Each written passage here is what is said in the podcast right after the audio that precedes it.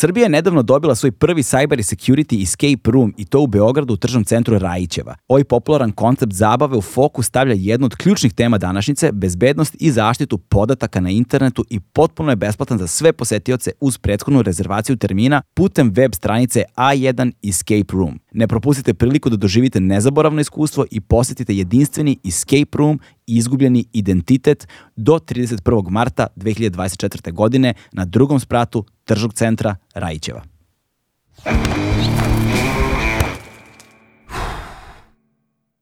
Hmm.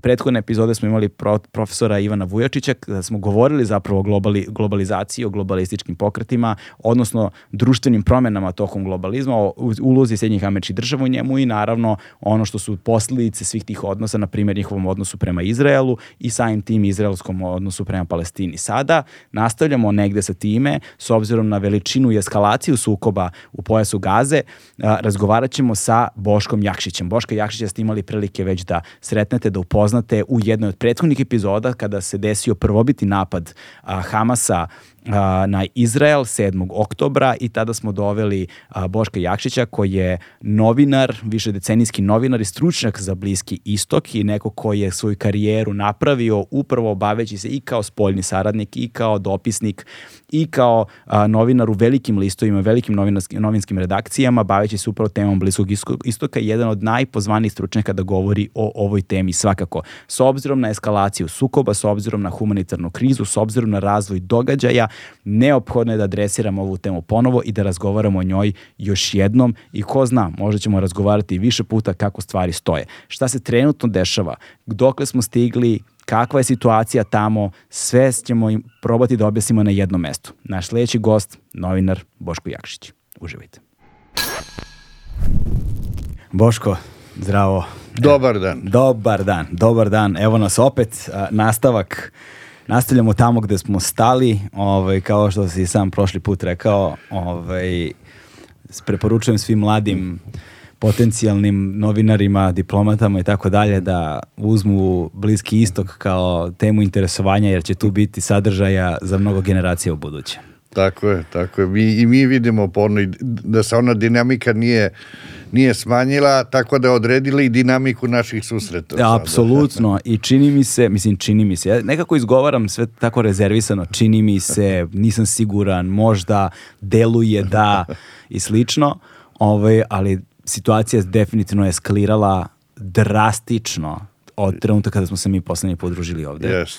I to je zapravo povod zašto se družimo sada ponovo, zato što je, mislim, nastavljamo temu koju smo započeli, ali nastavljamo iz ugla gde, koji smo problematizovali na kraju našeg prethodnog razgovora. Dakle, a, problem je pod brojem jedan gde se informisati. Dakle, gde nalaziti i šta uzimati kao izvor informacija.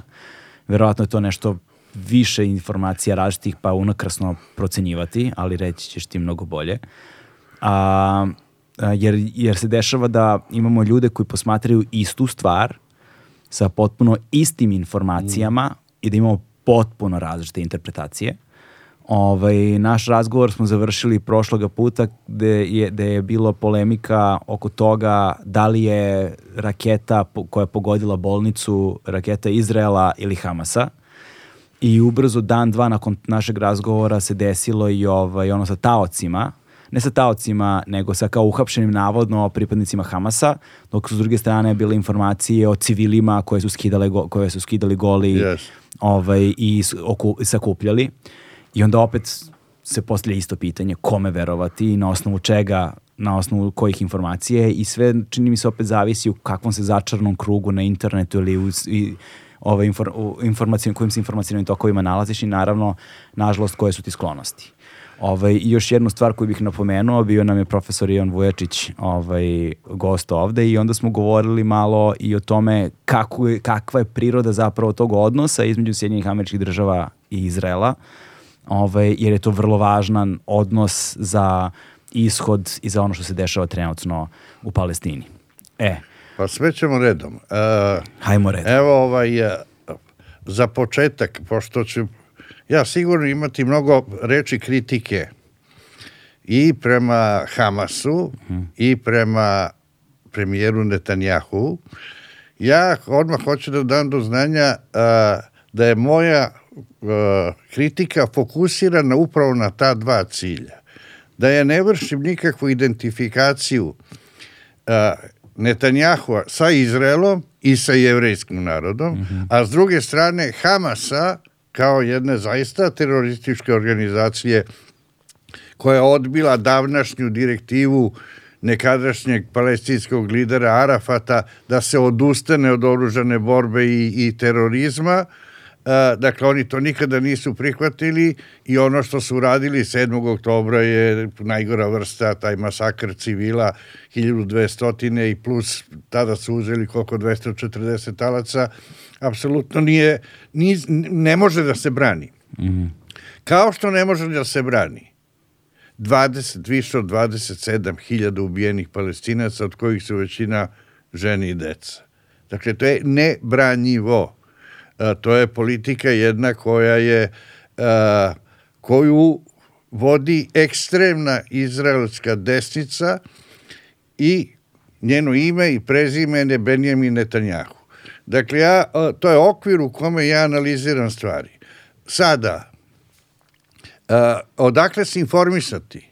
Naravno, ovaj rat, Bliski istok je uvek područje sa ogromnom količinom produkcijom informacija. Izrael se smatra već decenijama zemlja koja na, proizvodi najviše vesti na svetu. A, dakle, mi živimo, u, u, odnosno sada obrađujemo taj, taj region i a, mnogi ga pokrivaju od lokalnih izvora informisanja preko uh, medija uh, u, u regionu do svetskih medija. I ovo je, vidimo da je sada rat u Gazi apsolutno prva tema koja je potpuno u drugi plan potisnula i, i rat u Ukrajini. Apsolutno tačno, da. I mnoštvo je uh, informacija.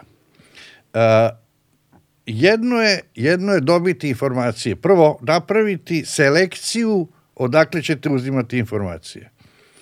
Ja sam pretplaćen na barem jedno desetak bliskoistočnih sajtova uh, koji autent, daju neke jednu stranu. Mm -hmm. Pretplaćen sam na iz, u izraelski list Harec, koji istinu za volju jeste liberalan, ali to je nešto bliže mojim razmišljanjima, i uh, tako direktno pratim i ono svaki dan šta se događa u Izraelu, plus onda svetska štampa kako ona to, kako ona to obrađuje. Ali informacija sama po sebi nije dovoljna. Da bi mogli da tumačite dublje negde, da pretpostavite šta je neko u stanju da uradi, šta možete da očekujete od nekoga, treba, treba mnogo više znanja o Bliskom istoku sem čiste informacije. Mislim da to važi za sve, za sve situacije, sve političke procese, bilo gde. Mm. Da morate da imate neku dubinu na osnovu, na osnovu koje ćete onda doći do nekih, izlačiti za sebe neke zaključke. Da li se oni valjani ili ne, to se kasnije, kasnije ispostavi. Dakle, ja se Bliskim istokom bavim pa duže od četiri decenije. I e, mislim neskrono govoreći, da imam tu neku dubinu koja mi pomaže da kada a, analiziram Netanjahua, da mogu sa visokim stepenom verovatnoće da pogodim šta će biti njegovi narodni pot, naredni potezi. Jer oni, oni ne, ne proističu iz onoga što je rekao juče ili šta je neko njemu poručio prekjuče, nego iz a, E, suštine njegovog shvatanja politike i suštine njegovog odnosa prema palestincima mm. I obrnuto. Isto važi i, i, za Hamasko. Isto imate sužene neke vidike, onda vam je lakše da, da pretpostavite šta će biti. Pa onda na to ide prvi sledeći krug su njihovi saveznici, kako oni reaguju, braneći svoje saveznike, da li upadaju u nevolje kao što upada sada Amerika zbog Izraela u nevolje, uh, ili ili saveznici Hamasa poput Irana koji također u ovom trenutku upada u određene, u određene probleme. Dakle, to je tek kada se to sve nakupi na jednu gomilu, onda, onda možete sad koliko toliko neke verovatnoće da, da uh, uh, procenjujete šta se događa i šta, šta, se, šta će se događati, ali uh, Bliski istok je uvek uh, nepredvidljiv. Mm. I na, na Bliski istok najbolje može da se primeni ona, ona izreka Bernarda Šoa koji je rekao predviđanja, predviđanja su sad potpuno u redu pod uslovom da se ne odnose na budućnost. Da, da. tako, da, tako da to za Bliski istok uvek važi jer, jer nekada postoje neke logike koje vi sledite koje su van blisko istočnih logika koje su posebne i, mm. i, i specifične. Da, to je nešto što često nazivamo ovde psihološkom konstitucijom jednog naroda i, ovaj, i, i ključ tumačenja njihovog načina razmišljanja, njihovih postupaka koji je duboko kulturološki obojen, istorijski obojen, ovako i onako, ukoliko nemaš tu vrstu iskustva teško je predvideti zapravo tačan način na koji će se stvari odvijati. Ja se, ja se sećam, izvini, ja se sećam jedan puta sa jednim, dok sam živao u Kairu, sa jednim njihovim psihijatrom, neur, neur, neuro ne zna šta, sam pričao, on kaže, vidite, nama je neuporedivo lakše da vas, evropljene, protumačimo.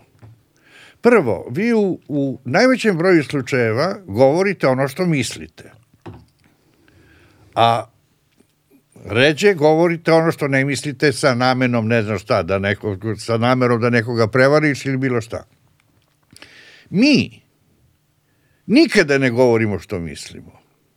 Ali naš kod je takav da nam omogućava da jedni druge, druge detektujemo. Mm. I pošto smo mi naučeni da dešifrujemo, svi su oni neka vrsta šampoliona koji stalno nešto detektuju i dešifruju, mm -hmm. njima je komunikacija sa Zapadom uh, lakša, a komunikacija Zapada sa njima je, je teža. Jer tu neki bug postoji, neka mistika postoji u, u, u, u tumačenju, interpretiranju onoga što, što, što istok i uključujući naravno i bliski istok što govori.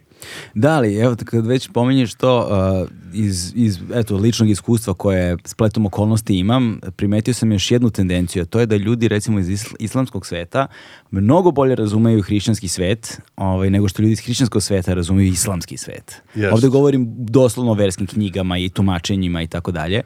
Ovaj, a mislim da tome pridodaje i činjenica da, da hronologija nastanka i da se nekako svaka ovaj, religija bavi onim svojim delom i tamo da se njihov deo završava, ne zanima ih ovo kasnije. Barem u kolokvijalnom pa jeste. razumevanju među populacijom. A, to je, to je nesumljivo tačno. Dakle, da. postoje... A, a, ja ne verujem one Huntington teorije o ratu civilizacije, hrišćanske mm. i islamske civilizacije, ali da postoje neki, e, mnogi nesporazumi koji bi mogli da budu izbegnuti, postoji. Postoji iz te a, a, vrlo često prisutne jednostranosti u tumačenjima a, zapada prema, ili hrišćanske civilizacije, ako o tome govorimo, prema islamskoj, uprošćavanje i stereotipovi neki. Tako je. Koji, koji, se, koji se gaje i koje je teško, teško razviti.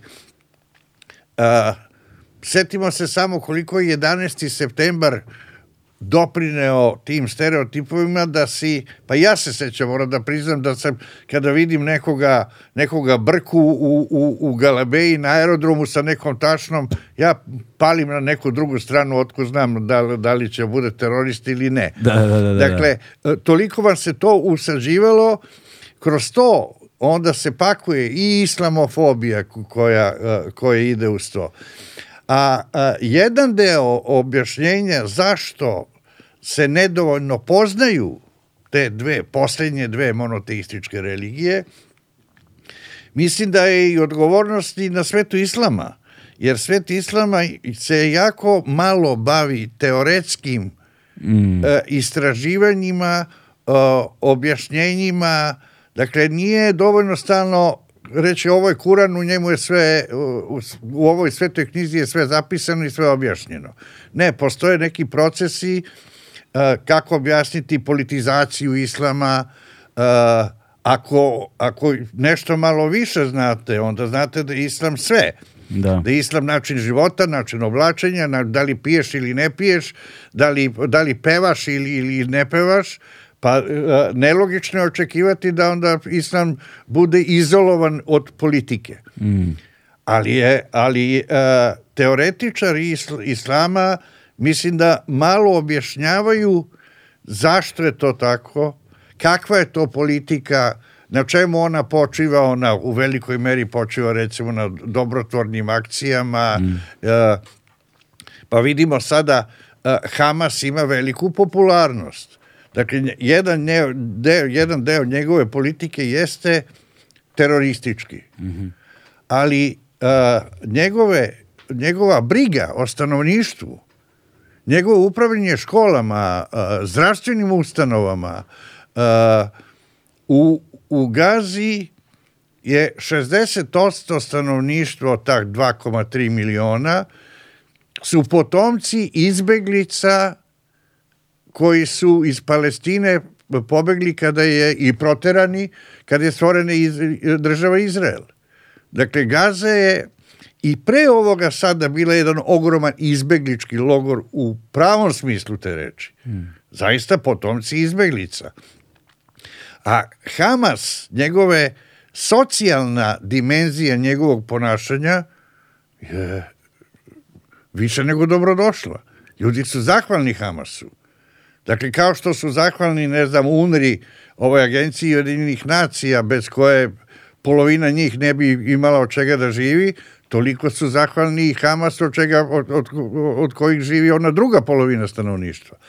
E, e sada, da bi, da bi to razumeli kako može Hamas da bude i, i, i humanitarna organizacija i teroristička organizacija u isto vreme, tu uh, mora da se, morate da pravite distinkciju. Dakle, nemoguće posmatrati samo kroz jednu uh, uh, prizmu. Ako posmatrate kroz prizmu humanitarnih aktivnosti, onda ćete glorifikovati Hamas kao uh, i, i njegovog lidera da je kao da je majka Tereza. Mm. A ako posmatrate opet uh, samo kao terorističku organizaciju zapaćete u grešku, jer nije samo tako. Tako da to, to, uh, to jesu izazovi Bliskog istoka koji, koji postoje, koji su uh, meni zato uvek su mi predstavljali neki taj challenge uh, da. uh, u, u, u raznim tumačenjima, ali to onda zaista treba i dosta čitati i pratiti, a ne samo se ograničavati na ovo na, na, dnev, na dnevnu politiku. I, I sada ako budemo i pričali, a pričat ćemo naravno i o ovome što se događa u Gazi, uh, sve to može i ima neke svoje korene. Ništa tu nije tek tako počelo 7. oktobra bez bez ikakvog povoda? Ne, povodi postoje. Ono što, ono što uh, jevreji su doživjeli 7. oktobra, taj masakr, uh, najveći od vremena holokausta, najveći broj jevrijskih žrtava od vremena holokausta, uh, oni su u danu doživjeli ono što palestinci žive decenijama. Da, to smo pomenuli prošle Svak, Svaki dan se neko, i, i, i sada, paralelno sa, sa gazom, je ogroman pritisak na okupiranoj zapadnoj oboli, da je više, onako prolazi gotovo u senci, više 300 palestinaca ubijeno za ovo vreme na zapadnoj oboli. Uh, izraelski premijer koji predvodi tu najdesniju koaliciju u istoriji zemlje uh, je veliki protivnik palestinske države, ne samo, ne samo da je protivnik te palestinske države, nego zajedno sa tim svojim ultradesnim koalicijonim partnerima a, direktno radi na onemogućavanju ideje dve države, koju inače najveći deo sveta prihvata. I koji sad i Amerikanci ponovo lansiraju ne bili našli izlaz iz ove situacije u Gazi. Da, to nam je posebna tema. I Amerikanci se trenutno nalaze u ozbiljnom procepu zbog svoje podrške Izraelu. Amerika- apsolutno. Ali samo da, da ovo elaboriram, dakle, uh, zapadna obala koja sutra treba da predstavlja zajedno sa pojasom Gaze palestinsku državu, koji bi istočni Jerusalim bio glavni grad, zapadna obala je već 30% te teritorije su uzeli jevrejski kolonisti koji stalno se finansira gradnja novih i novih naselja koje uzima, bukvalno uzima tu zemlju. Bukvalno od- od palestinaca i što za gradnju puteva, što za gradnju nekih vojnih objekata, što uh, za gradnju uh, naselja u kojima žive. Dakle, uzimaju se uh, maslinjaci, uzima, uzima se plodna zemlja za, za obrađivanje, uzimaju se izvori vode. E, Na sve načine se onemogućava palestincima da ostvare taj svoj san. E, To je stvorilo i stvara beznađe jedno kod jedne mlade generacije palestinaca koji decenijama vide da mirovni pregovori ništa nisu doneli, a bilo ih je raznih inicijativa mirovnih. Posljednje decenije nema, dakle potpuno je mrtvilo. A, to beznađe po pravilu vodi u radikalizaciju. I onda to morate da imate u vidu kada gledate na, na 7. oktobar. Ne kao opravdanje, jer opravdanja za taj masakr nema, ali morate da ga gledate u jednom širem kontekstu šta je dovelo do takve militarizacije Hamasa, da je on spreman da preduzme napad koji je preduzeo znajući kakva će biti odgovor Izraela. To je, to je apsolutno svakome moralo da bude jasno ako pred sobom ima e, Netanjahua da će on pokušati na sve najdrastičnije načine da, da se osveti za to što se dogodilo. Da, ali s druge strane otvoreno se govori o tome da je Netanjahu s jedne strane i dobrodošla ova pozicija da bi održao svoju političku moć. A1 je prvi prijatelj audio izdanja Agelast podcasta. Pa on, on sada je, jeste objektivno najveća prepreka bilo kakvom dogovoru. Ili dogovoru oko talaca, ili dogovoru o prekidu vatre. E, baš zato što iz ovih razloga koje ti pominješ. A ti razlozi su, on zna da ga čeka onog trenutka kad se rat završi. Zna da ga čekaju sudovi izraelski, gde on ima tri nezavisna procesa da je optužen za korupciju od kojih teško da će da se izvuče, barem će na jednom da zaglavi i da bude osuđen. Ne bi bio prvi izraelski premijer koji je osuđen za, za korupciju. Drugo, čekaju ga odgovori na pitanja a, koje pre svega postavljaju porodice talaca. Zašto toliko dugo čeka da reši talačku krizu? procena izraelske armije da je sada, pošto u novembru jedna, jedna grupa talaca razmenjena za palestinske zatvorenike, da je sada preostalo negde oko uh, uh, stotinak i nešto više talaca još, ali da je uh, od tog broja izraelska armija procenjuje barem 30 njih umrlo umeđu vremenu u, u, u rukama Hamasa. Dakle, Netanjahu će morati da odgovori tim porodicama zašto je čekao, što nije nešto nudio, kompromis neki, zar to nije prioritet životi tih jevreja koji su u zatočeništvu, a ne uništavanje Hamasa. A, njemu su prioriteti očigledno drugi, zbog odugovlačenja. Treće, treća grupa pitanja na koje će on morati da odgovori tiče se tog fijaska i debakla koji je Izrael doživao 7. oktobra. Kako se to dogodilo da nisu znali? Kako se dogodilo da je ključnu diviziju iz pojasa Gaze odnosno pogranično pojas, po, pograničnih delova sa pojasom Gaze, 3-4 dana uoči Hamasovog napada prebacio na zapadnu obalu. kako se dogodilo da se oglušio o upozorenje načelnike generalštaba koji mi je rekao da ima dojava da se nešto, nisu ni znali šta, ali da Hamas nešto sprema. Da su takve dojave poslali egipatske službe bezbednosti. To sada znamo. To, to su sada činjenice. Mm -hmm. A Netanjahu je za to vreme letovao u Hercliju u svojoj letnjoj rezidenciji i kupovao se u Mediteranu. I on će i tekako morati da odgovara. E, zato njemu što duže traje rat, on pokušava da ga produži, nadajući se da će taj otpor ili bes značajnog dela uh, izraelskog stanovništva negde da splasne, pa da će on eventualno moći da, moći da se prouče. Ja lično mislim da, da neće, a sve što ga bude čekalo je zaslužio. Da, e sada na to, na sva ta pitanja sada ide i ovo što se dešava uh, međunarodno. Dakle, šta je uradila Južnoafrička republika, čemu se priključila recimo Republika Slovenija, mislim možete vi da kažete nešto više o tome. I na, zanima me na koji način se zapravo grade takve optužnice. Uh, prvo, nije čudo da je taj, uh, da je tužbu podnela Južna Afrika. Da, samo kažem kakvu tužbu.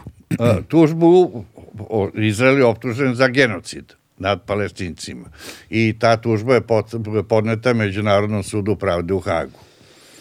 Uh, dakle, nije neobično da je Južna Afrika, jer to je određena vrsta, pa možemo da kažemo i revanša Južne Afrike, jer je izraelski režim godinama i decenijama podržavao režim apartheida u, u Južnoj Africi. Prema tome sad su se stvari okrenule, e sada ćemo mi vama da vratimo to što ste vi podržavali apartheid, pa ćemo mi vas da tužimo i onako se vrlo često sadašnja izraelska vlast optužuje i identifikuje sa režimom apartheida, mm. upravo iz Južne Afrike. Jer takav je odnos onog što su tamo uh, uh, belci imali prema, prema crncima, tu se pravi paralela da sada, da sada jevreji u, Izre, Izre, u Izraelu vlast ima isti odnos apartheida prema, prema a, palestincima, gura i getoizuje ih, a, a, ne da im nikakva prava, Dakle, ona, ona vrsta najgorih pritiska. I naravno da je to onda sve, kad je to bilo uknjiženo negde u sećanju Južne Afrike, da su seli i napisali tužbu, tužbu za genocid. Problem sa tužbama za genocid a, a, po onome a, koliko sam ja čitao i na osnovu iskustava međunarodnog prava je, a, su teško dokazivi. Bilo je recimo, bilo je a, a, primjera raznih, pa se pokretano, da li su, da li su Britanci krajem drugog svetskog rata svesno uništili Drezden i da je to bio pokušaj jednog mini genocida uh, ili ne. Da li su to Amerikanci radili u, u Vijetnamu? Jer neke elemente možete da nađete, ali je teš, teško dokazati. Mm.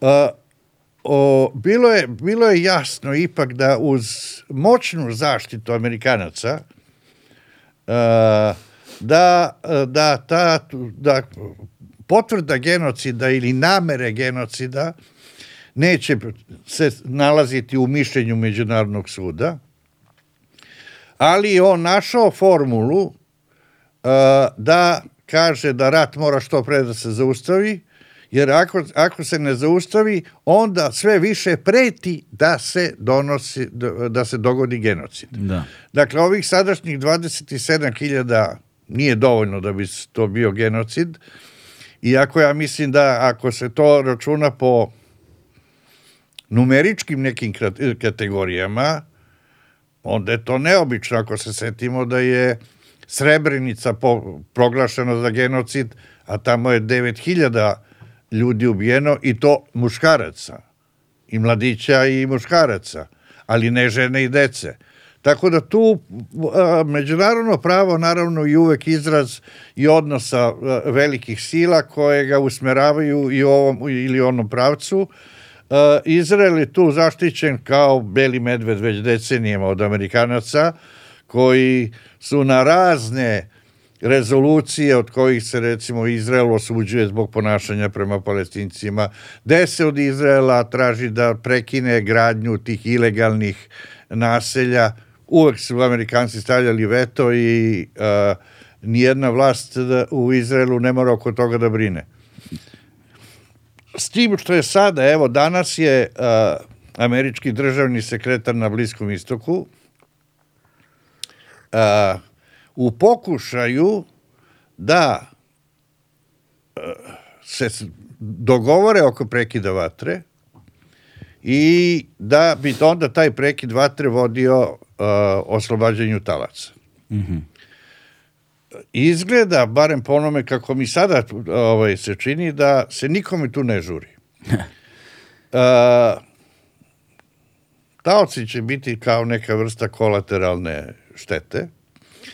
Hamasu se ne žuri zato što on postavlja jedan uh, dosta maksimalistički zahtev da Izrael odmah obustavi sve operacije, da se trajno povuče iz pojasa gaze i da se više ne vraća, da nema više rata uopšte, nema šansi. Uh, I da se oslobode svi hiljade palestinskih zatvorenika. Uh, Izrael, sem onoga što smo govorili, zašto se Netanjahu, uh, zašto mu prija da odugovlači rat, ali uh, uh, i njegovi koalicioni partneri kažu da ne dolazi obzir bilo kakvi kompromisi i ustupci Hamasu, uh, uh, kritikuju predsjednika Bajdena kada pominje da je to zarad humanitarne pomoći, da bi se izbegla ovaj dalja humanitarna katastrofa u Gazi. I kažu američki predsjednik direktno na taj način pomaže Hamas, jer ta pomoć kada stigne ide u ruke Hamasu. Tako da oni imaju svoj argument. Prekid vatre kažu da bi svaki, da bi Hamas iskoristio da se regrupiše, da se uh, popuni, popuni naoružanje, popuni svoje ljudstvo, tako da tako da uh, nema nekih izgleda da će to i to pitanje skoro, skoro da se reši. Uh, ulazimo u jedan, odnosno nalazimo se već u jednom klinču koji traje nedeljama, a mislim da će trajati i, i duže. S tim što situacija na terenu sada zaista postaje za palestince gotovo neizdržljiva. Ovo bi trebalo bude kraj. Uh, uh, palestinci su proterani sa severa Gaze. Oni su sve vreme bežali ka jugu. Uh, Izraelci su rekli da njihova, njihove izbegličke logore i te kampove neće bombardovati, bombardovali su Kao što su bombardovali škole u kojoj su se sklonili ili, ili bolnice u kojoj su se sklonili. Bombardovali su. Sada su više od milion palestinaca zbijeno na samom jugu pojasa, na granici prema Egiptu. Egipat iz svojih razloga ne da palestincima da uđu uh, i sada kreću najmasovniji operacije posljednjih nedelja upravo prema tom stanovništvu koje više, više nema gde. Saterani su skroz. Saterani su potpuno, mogu da, ide, da idu jedino u Mediteran da se dave. Tako da, a, a, tamo kad se pomislilo da barem da ovaj dramatični status quo da će na neki način da se održi, ne. Može da bude situacija još gora i ona jeste sada još gora. Ovaj, kada govorimo o humanitarnoj krizi, mislim ovde sada puno tema otvoreno, probat ću nekako da ih adresiram što je više moguće. S jedne strane mi je važno da adresiramo i taj pritisak koji smo malo prepomenuli na Sjedinje američke države, jer čini mi se da se polako budi američka javnost u jednoj dobroj meri, ne dovoljnoj, ali dobroj, da se dešavaju predsjednički izbori u Sjedinjim američkim državama ove godine i da će to da bude takođe jedna, da ni, ni jednoj ni drugoj strani kako god da žele da reše pitanje ovaj, saradnje sa Izraelom a, ne odgovara u toku političke kampanje ovaj, i da vidimo kakva će vrsta pritisaka tu da bude. Sa profesorom Ivanom Vujočićem smo govorili o tome i da ovaj, ako budu i Trump i Biden, obojica imaju priliku, samo još jedan mandat mogu da odrade, što znači da nema, kad znaju da nema mogućnosti za dalji mandat, možda to bude motiv u toku mandata za rešavanje takvog pitanja, ali sve je otvoreno.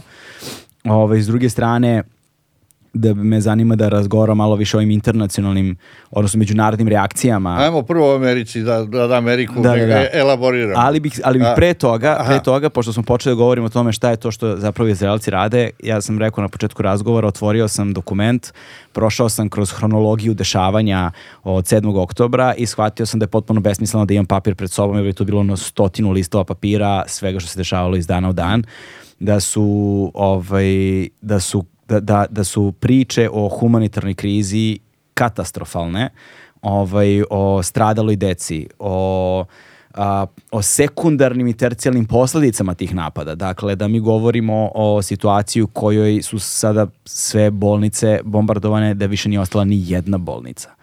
A, da govorimo o tome da više nemaju vode ne govorimo o tome da kada, da, da, da kada se slegne prašina od samih bombi, zapravo da mi sada imamo problem sa hig, osnovnom higijenom, sa hranom, sa vodom, Epidemije sa, sa epidemijom bolesti, da imamo problem sa ono, truljenjem tela z, u ruševinama na, koje izazivaju sve i svašta. Dakle, dakle, kada, kada sedneš i kada počneš da tumačiš kako izgleda domino efekat onoga što su samo inici, što su samo po znacima navodi inicijalni napadi da se da se mi ovde suočavamo sa jednom krizom kako ne pamtim da je svet video u skorije, barem ne u skorije vreme. Pa neke od slika koje su, koje su došle ipak do javnosti svetske i koje su doprinele da se u velikoj meri uh, raspoloženje sveta koje se izuzetno bilo solidarno sa Izraelom u prvom danu i prvim danima posle masakra da se dramatično okrene uh, i simpatije prema palestincima. Kada vi vidite uh, scene kako izraelski vojnik uh, sladostrasno uništava igračku po igračku u nekoj radnji sa igračkama u Gazi. I kada, kada uzme lutku koja je zavijena onako sa islamskim hijabom, onda je udarao sto i smeje se i skače od sreće. Kad vidite izraelske vojnike, snimke, a, a, njih nekoliko kako uriniraju po grobovima a, na, na, na muslimanskom groblju, kada znate da je 16 tih, a, 16 grobalja je uništeno buldožerima, da oni potomci ne znaju više gde, gde, gde su im, gde su im umrli roditelji, bilo ko. E, takve scene su a, navele i na tužbu i, i okrenule u značajnoj meri mm. a, a, raspoloženje sveta. Da. U Americi danas po ispitivanjima blizu polovine smatra da da je Izrael na granici genocida i ne podržavaju ponašanje Izraela. E sada, to dovodi u, u jednu delikatnu situaciju Bajdenovu administraciju. Da, idu izbori u novembru, po svemu sudeći će rival biti Donald Trump, e, bilo kakvo ukidanje pomoći Izraelu je nepopularno zbog a, a, reagovanja moćnog jevrijskog lobija, koji nije sav da podržava Netanjahu, a postoje tamo i, i jevrijski lobiji koji su izuzetno protiv Netanjahu, ovi koji liberalniji jevreji, reformisti ili tako dalje, ali a, nijedan američki predsednik nije nikada bio u poziciji da se da kritikuje oštro Izrael. Dakle, ovo što sada imamo, ti pokušaj i kritike, odnosno više saveti, ajte prihvatite prekid vatre, ajte da se na taj način izbegne dalje humanitarna katastrofa, ajte razmišljajte šta će biti sa pojasom gaze kada se rad završi, takozvani dan posle. -hmm. Ajte razmišljajte da da palestinci sa zapadne obale, takozvani umereni palestinci, preuzmu pojas gaze. ajte razmišljajte o tome da počne obrovimo razgovore o nezavisnoj državi Palestini i na taj način konačno rešimo decenijski izraelsko-palestinski konflikt. Sve su to molbe i apeli onako diplomatsko lepo formulisani, ali ne smiju da idu dalje od toga. Jer bi to po Bajdena imalo vrlo loše konsekvence. Odmah bi, odmah bi ga napala i republikanci koji, koji bi odmah rekli evo, izdaje našeg najboljeg saveznika, najdugovečnijeg saveznika. Tako da a, Netanjahu na tome može da kapitališe. Njemu je potpuno jasno da efikasnog zaustavljanja onoga što radi od strane Amerike nema. Mm. Uh, Barack Obama je pokušao da bude oštriji i bio je u to vreme su odnosi američko-izraelski bili na najnižoj tački posljednjih decenija. On je pokušao da pritisne Izrael da se prekine naseljavanje zapadne obale.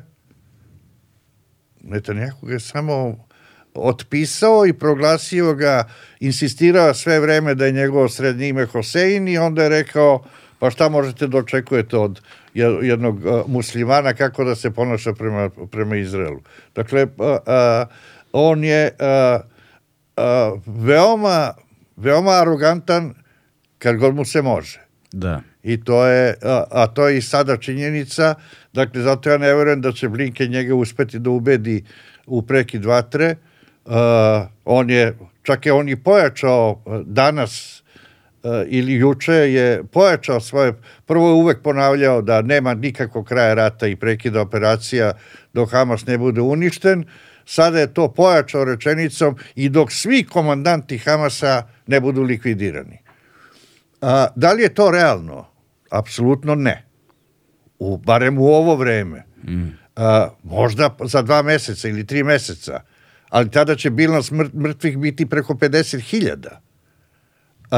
Ali očigledno da, da Netanjahu ne razmišlja o tome, on je 10.000 palestinskih života, ako njemu produže njegov politički život za dva meseca, on to smatra potpuno opravdani. Da, ovaj, s druge strane uh, je, je problem u tome uh, sad, na, ali ako mi moramo čekamo novembar da dođe administracija nova u uh, Sjedinjeničkim na koji način bi onda sad ta nova administracija uopšte mogla da pomeri tu granicu, jer očigledno bez pomoći, podrške zapravo Sjedinjenih država celog ovog sukoba nema. Ovaj, uh, I kako to da ostatak sveta, sad ovako laički s moje strane, ne može da nema, nema dovoljnu jačinu da, da, da ospori američki veto odnosno da, da, da nekako prevagne.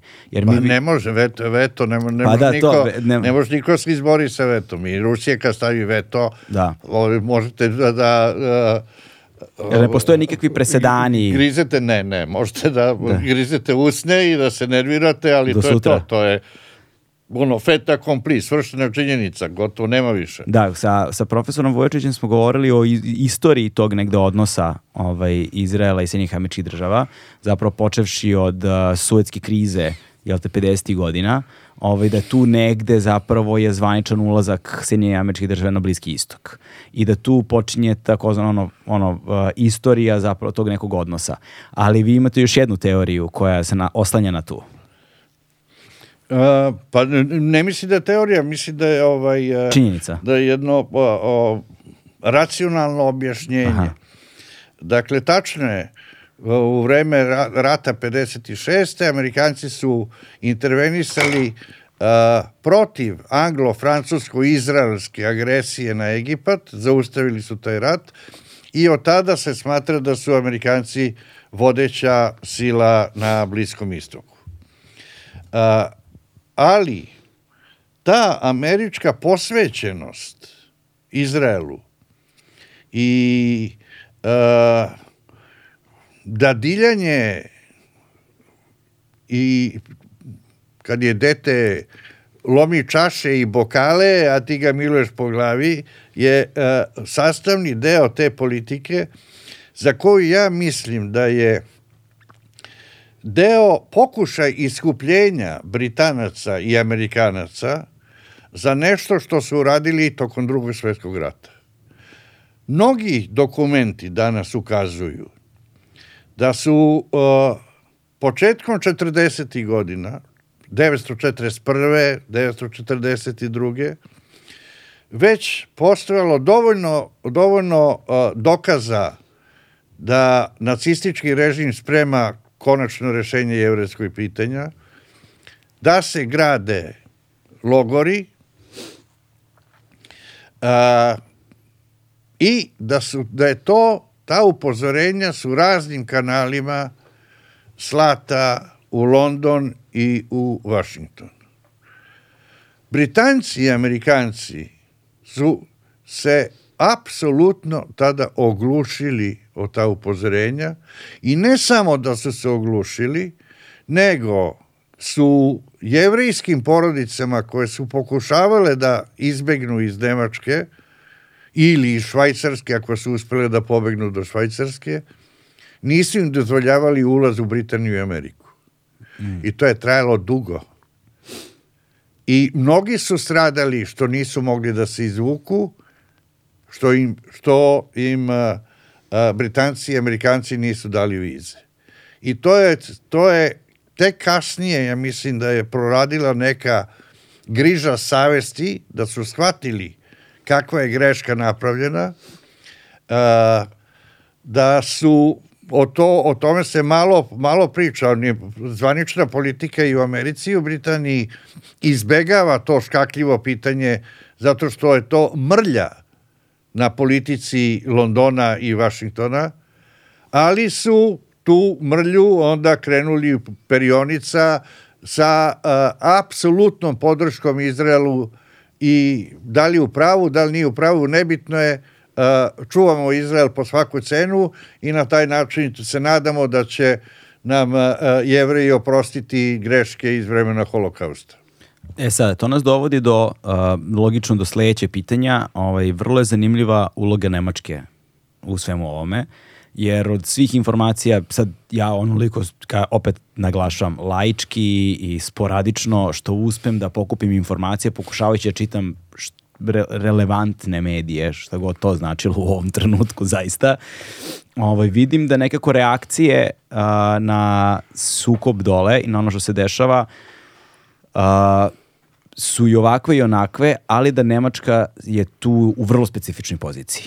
I Nemačka, Nemačka apsolutno prednjači u bezrezervnoj podršci Izraelu. Uh, odnosno, bezrezervnoj podršci Netanjahu, što je veoma nepopularno. E, I mislim da tako ponašanje Nemačke može da se pravda istim ovim razlozima, dakle vraćanje vek jedan unazad e, na ono što se događalo u vreme nacizma, a može i da se pravda i potrebom da se iskupi uh, aktuelna nemačka vlast rastom antisemitizma po Nemačkoj, u kome značajnu ulogu ima, ima uh, ultradesnica koja isto tako postaje sve moćnija na nemačkoj političkoj sceni od alternative za Nemačku pa do raznih uh, uh, neonaci grupa. Tako da mislim da je to glavni motiv da uh, vlada Olafa Šolca bude toliko angažovana uh, i da u značajnoj meri uh, odstupa od jedne objektivnije politike koju vode neke druge, neke drugi evropski centri. Mm. Koji su pomenuli, spomenuli si i Sloveniju, koje, Slovenija koja je potpuno članica Evropske unije, koja je potpuno uh, stala na stranu, uh, palestinsku stranu, odnosno na stranu uh, žrtava ma, mm. najmasovnijih žrtava. Tako da podele grad u Gazi jeste podelio, nema tu jedinstvenih stanova, stavova unutar e, Evropske unije, ali ovaj, ovaj nemački je meni očekivan. To je neka vrsta a, postistorijskog iskupljenja. Da, s jedne strane. S druge strane, zanimljivo je posmatrati kako se taj, ta, te politike, dakle, kako mi imamo zapravo spuštanje vertikalno spuštanje dakle tih političkih odnosa na kulturni rat.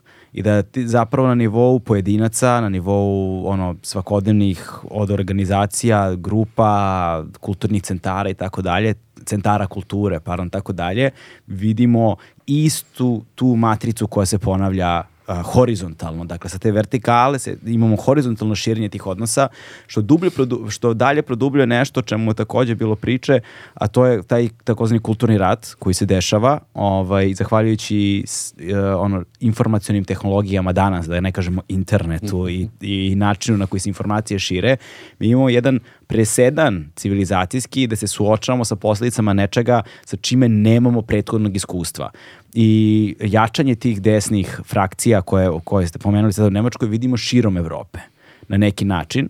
Ovaj, ja sam video, video sam snimke, sad to je opet do interpretacije i tako dalje, za tu šta tu ima da se interpretira kad vidiš više hiljada ljudi u Rimu koji, uh, koji, koji salutiraju, više hiljada neonacista u Rimu koji salutiraju bez ikakvih problema.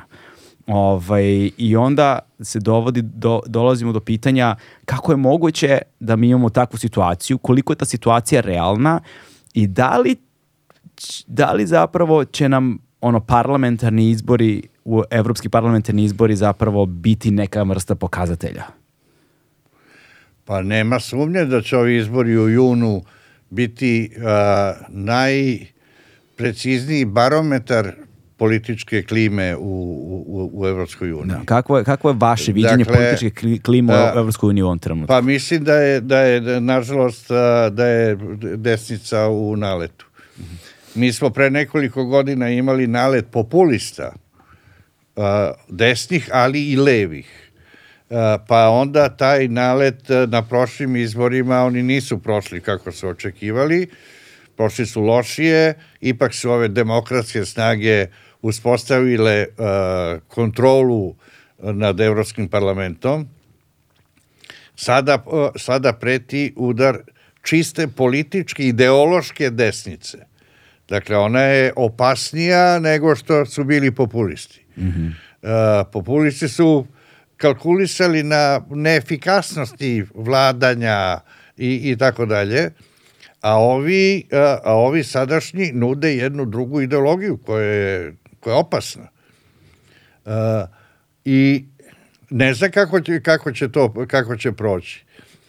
Ali uh, simptomi poslednjih vremena od izbora u Holandiji, dakle dolaska na, na vlast Gerta Wildersa, uh, ta rastuća snaga alternative za Nemačku, ako, ako Nemačka kao ključna zemlja Evropske unije uh, dobije vladu koji će biti alternativa za Nemačku, onda mislim da je Evropa u, i mi zajedno s njom u, u velikom problemu. Mm -hmm. A šta je sa ostalim zemljama Evropske unije, kako stoje stvari? Mislim, dobro, ok, znamo za ove naše u komšiluku, znamo za Orbana. Pa da, evo, da, da, može, isti, isti taj trend postoji u Francuskoj, dakle da je ozbiljno, da je Marie Le Pen i, i tekako snažan faktor tamošnje politike, u Portugaliji gde, gde je desnica, u, u skandinavskim zemljama gde, gde je opet desnica u, u, u naletu, tako da a, kad to do, dodate da je pobedila u Slovačkoj, da ima uporište u Mađarskoj, a, jedino je Poljska neki svetionik sada u ovom trenutku, jer je posle osam godina skinula vlast desničara uh, i nacionalista onoga uh, Jaroslava Kačinskog i sada je ta ta nova vlada je uh, trebalo bi da predstavlja primer mm. i, u, u, optimizma za čitavu Evropsku uniju da se eventualno izbegnu te, te opasnosti. Ali nisam, nisam siguran zato što uh, Evropska unija je daleko od toga da, da se ponaša jedinstveno gledajući nekoga, pa onda kopirajući njegovu politiku. E, koliko, god je, koliko god je to e, možda jeretično zvuči možda prejako, ali je to je skup 27 e, nezavisnih i dalje nezavisnih država koje gledaju svoje interese i a gledaju da se okoriste pre svega finansijski uh, članstvom u Evropskoj uniji. Ali da, da će oni braniti svoje interese i svoje politike, ako im to treba, to će svakako raditi. To, to će raditi i, i Španija, i, i, i Italija, i Grčka, i Nemačka. E da, sad to je takođe jedan zanimljiv fenomen, ovaj, da na parlamentarnim izborima u Evropskoj uniji a, zapravo čini mi se koliko zemalja ima obavezu glasanja?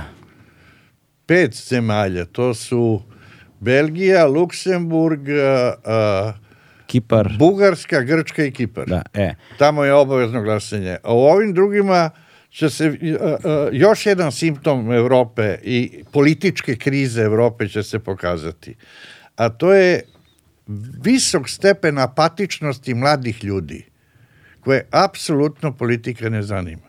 To je nešto po čemu smo mi onda mogli bi da kažemo da smo već u Evropskoj uniji. Da, deo sveta. Jer, jer, jer delimo, delimo iste, te, iste te vrednosti, ali ovaj, uh, što je znak slabosti političkih elita da animiraju ljude da se bave rešavanje svojih problema. -hmm. Ne, ljudi, ljudi su atomizirani, rešavam problem sam za sebe ili u nekoj maloj grupi, a ti političari neka rade šta god hoće.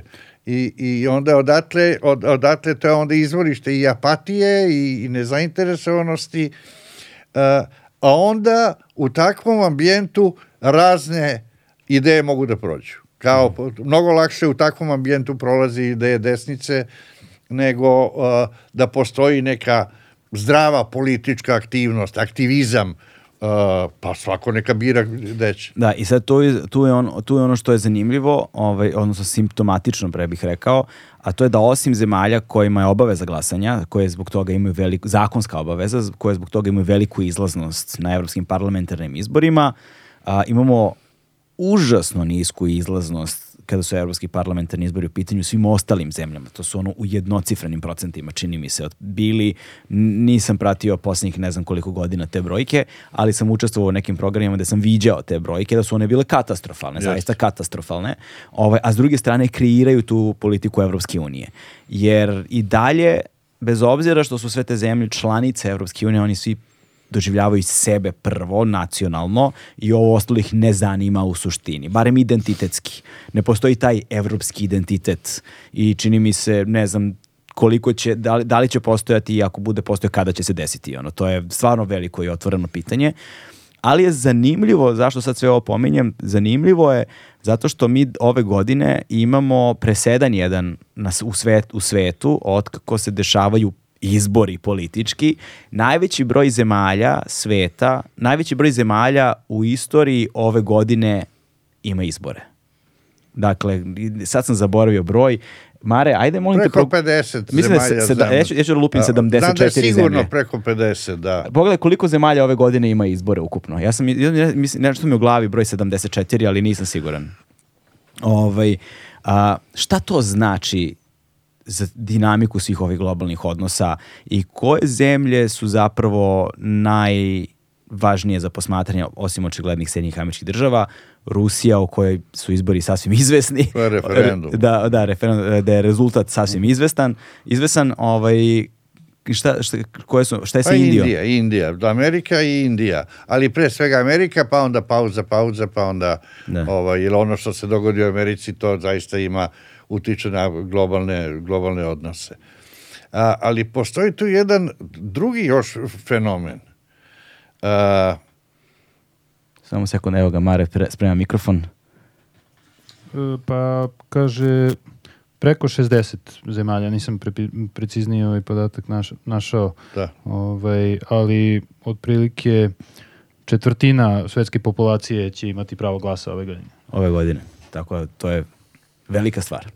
E sad, ono, ono što mene tu zanima, to je jedan relativno nov fenomen.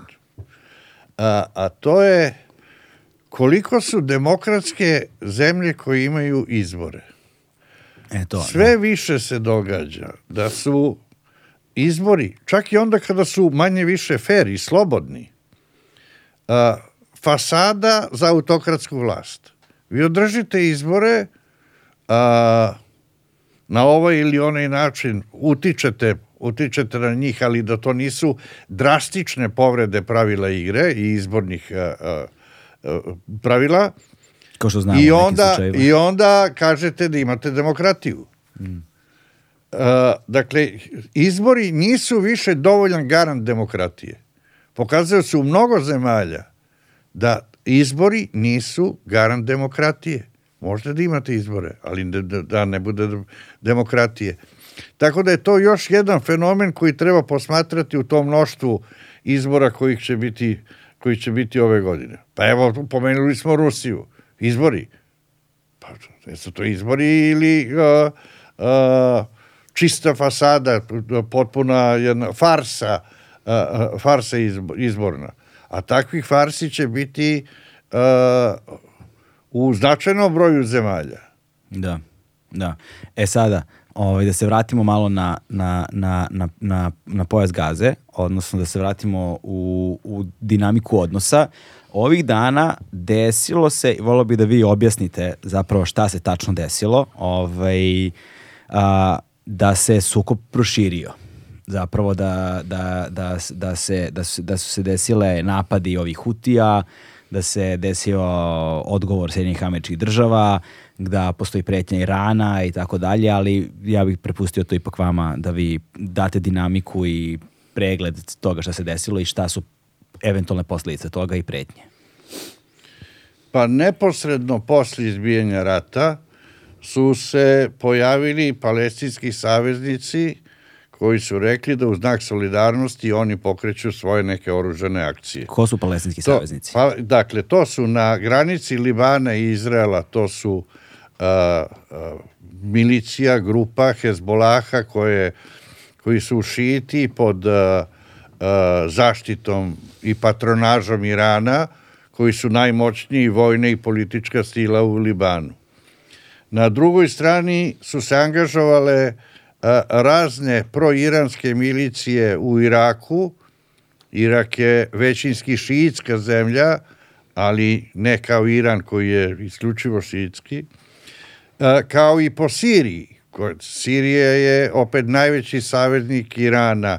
Dakle, po čitavom takozvanom šiitskom polumesecu su se javile a, paravojne snage, milicije, grupe, kako god da ih zovemo, koje su u znak podrške pokrenule akcije i one dosežu sve do Arabijskog poluostrava i do Jemena, gde su Huti saveznici a, a, takođe Irana.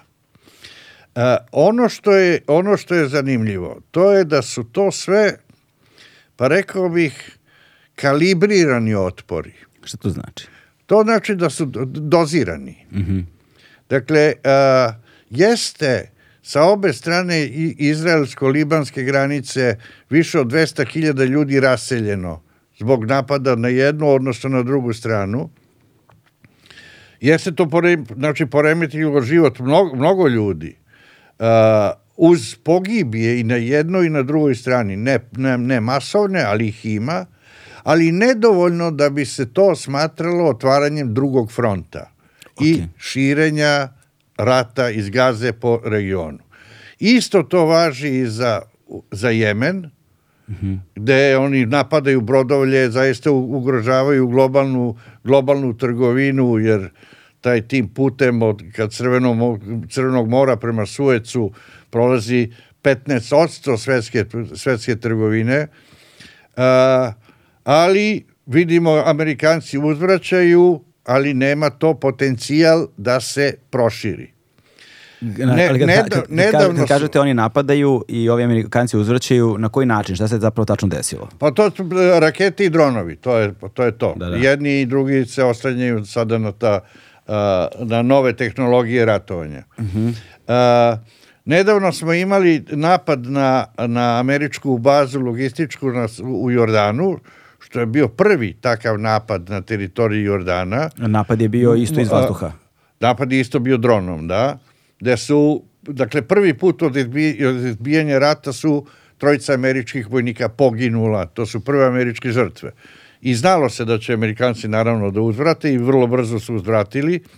Ali i to je isto tako uh, dozirani, dozirano uzvraćanje. Uh, svi u Vašingtonu optužuju Iran da stoji iza toga. A onda, onda napadnu proiranske milicije u Iraku i Siriji. A, tu je bilo na desetine mrtvih i ra- razorenih raznih komandnih položaja, centara, lansirnih rampi i tako dalje. Ali Iran niko ne dira. Šta više, i američki predsjednik kada kaže mi ćemo nastaviti sa tim uzvratnim udarima, a, a, mi nemamo želju da proširimo rat, a verujemo da ni Iran nema želju da proširi rat. Gotovo k- kopiju tak, te retorike čujete iz Teherana. Mi ćemo osovine zla će nas, osovine otpora će nastaviti da napadaju američke mrske američke ciljeve i ciljeve cionističkog režima, ali Teheran nema želju da, da, da se sukob u regionu proširi i to je to. Prema tome, to je to što ja nazivam kalibriranjem a, a, to je malo, malo ratovanja, ali ne previše, dozirano potpuno, jer su svesni da bi a, a, direktan sukob Amerike i Irana, u koji ja dugo ne verujem i nastavljam da ne verujem, ali kada bi hipotetički do njega došlo, to bi zaista bilo ovaj, a, a, bliski istok sav u plamenu. Eksplodirao bi Blis- Bliski istok kao bure baruta, da. E sada, to, to iz ovoga proizilaze dva pitanja, jedno verovatno manje kompleksno i drugo strahovito široko, ovaj, ali mislim da je nužno. S jedne strane, postavlja se pitanje motiva. Dakle, ukoliko postoje ti proračunati sukobi, kalibrisani, kako vi kažete, ovaj, postavlja se pitanje čemu? Koja je motivacija? Zašto? Šta oni zapravo znače? Kakav signal šalju? Koja je njihova, koja je njihova svrha? Ovaj, s jedne strane. A, I s druge strane, ovaj, o kakvim god sukobima da govorimo na Bliskom istoku, kakvoj god dinamici odnosa da govorimo na Bliskom istoku, nekako uvek kao ogroman sivi oblak tamo negde u daljini stoji taj Iran. I onda drugo pitanje se zapravo odnosi na Iran. Š- pojasniti ulogu Irana i istoriju te nje, ulogu, uloge Irana na Bliskom istoku po- u odnosu sa američkim državama i posebno u odnosu sa drugim zemljama tu. Mislim, znam da je užasno široko pitanje, ali, ali ako neko to ume, onda to je Boško Jakšić. A, prvo, ja nikada nisam verovao, a to, to relativno često sam imao priliku da čujem, kaže, ovaj besmisleni rat. Da. Nema besmislenog rata. Svaki rat ima neki svoj smisao. Svako ko je pokrenuo rat ima neke svoje motive zbog kojih je pokrenuo rat i ima očekivanja da će nešto dobiti. Dakle, nema uh, sada, dakle, zato se vraćam u odgovor na ovo pitanje, šta je ovo sada što se tako prepucavaju, obaraju mišiće ovaj, raketama i dronovima, uh, šta je cilj toga, šta je motiv? Svako ima svoj motiv.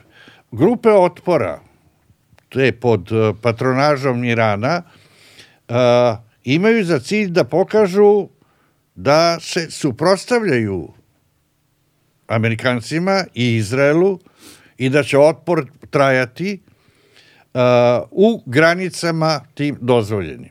Dakle, njihov motiv je da kažu gospodo, mi smo, gospodo sa zapada ili gospodo u Jerusalimu, mi smo ovde, morate da računate na nas, ne možete da ra- radite šta god hoćete, pogotovo ne možete da radite šta god hoćete našoj braći palestincima u Gazi. Znači, šalju- šalju to je, poruku. to je poruka koja, koja ide sa te strane. S druge strane, a, Amerika isto ima a, jasnu poruku. Uzvratit ćemo, ako poginu američki vojnici, mi ćemo odmah uzvratiti. Nemojte da mislite da nećemo uzvratiti.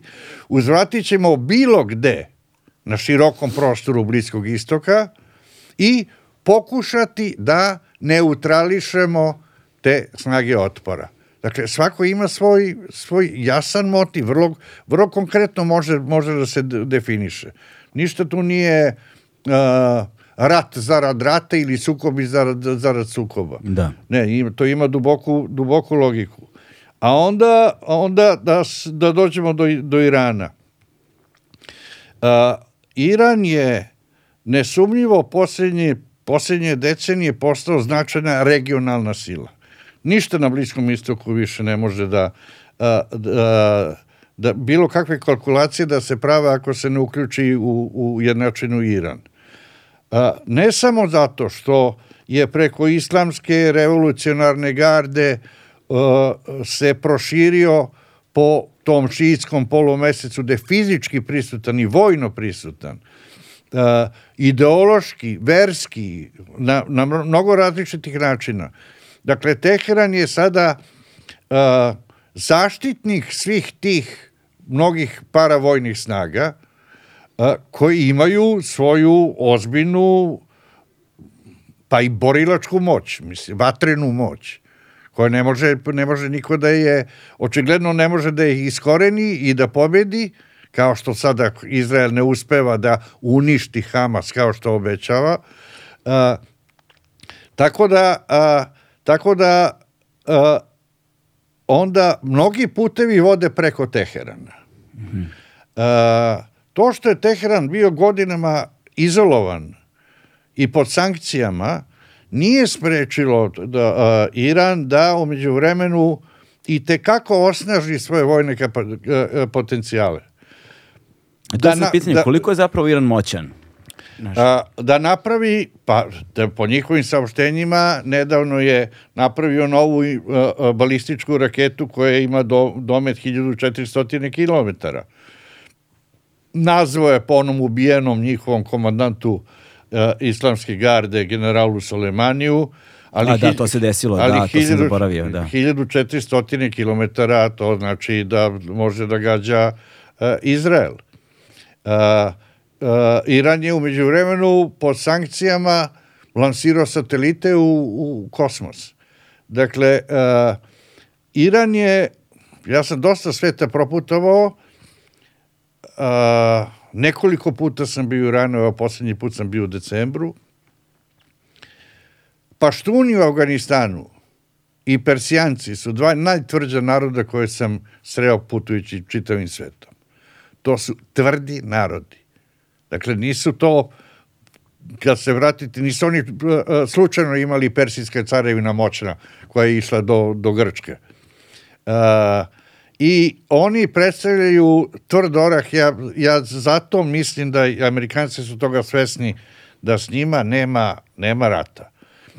Na to uh, dolazi i nešto što je specifično šiitskom ogranku islama, kult mučeništva, mm. koji je kod šita veoma, veoma jak i izrazit.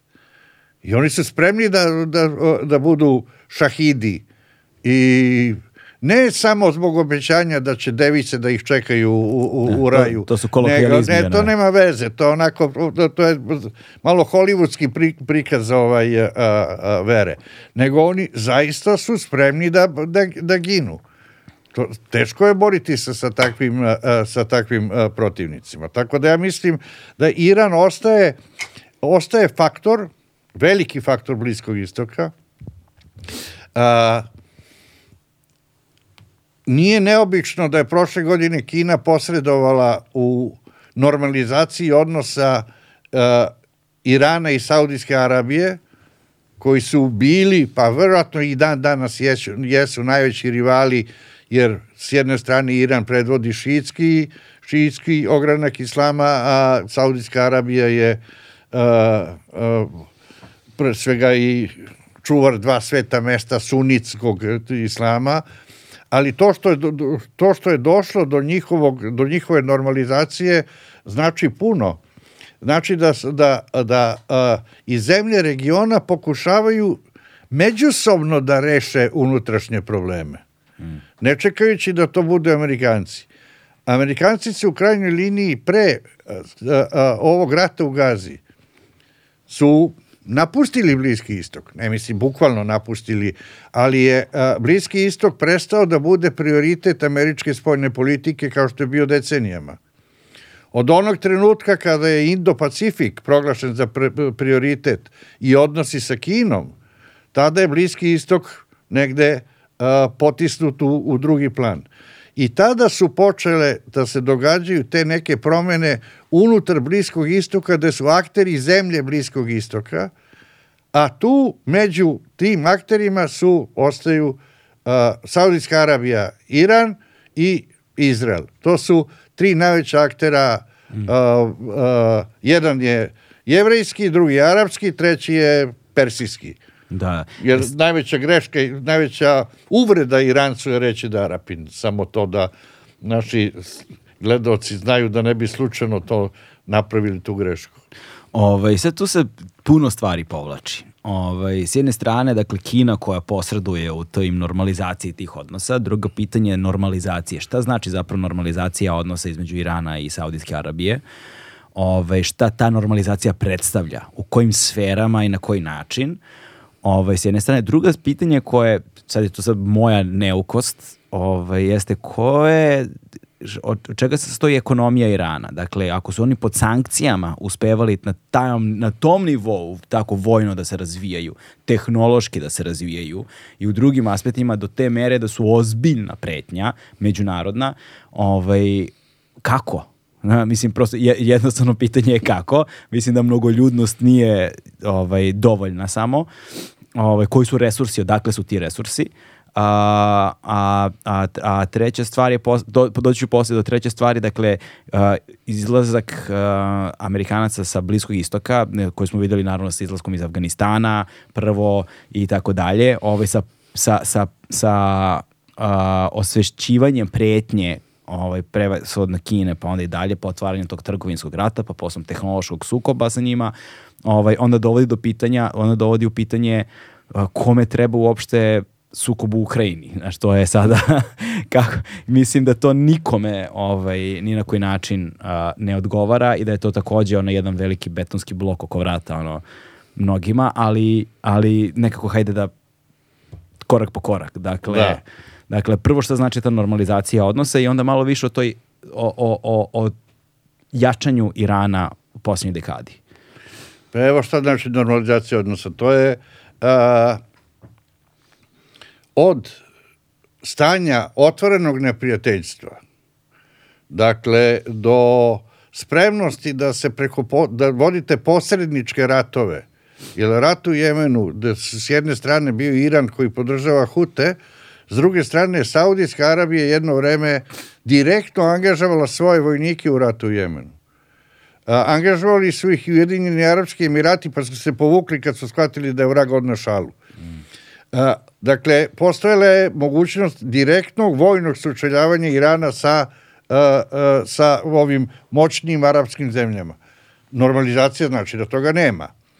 Koje mogu da budu konkretne neke koristi, da se ne svede samo na tu diplomatsku stabilnost, pa to je zajednička politika nafte jer e, obe zemlje, Iran i Saudijska Arabija, žive od nafte. Da. Iran pritom ima druge po veličini rezerve gasa na svetu, mm. dakle, koji još nisu potencijali iskorišćeni u onoj meri u kojih je recimo koristi Katar.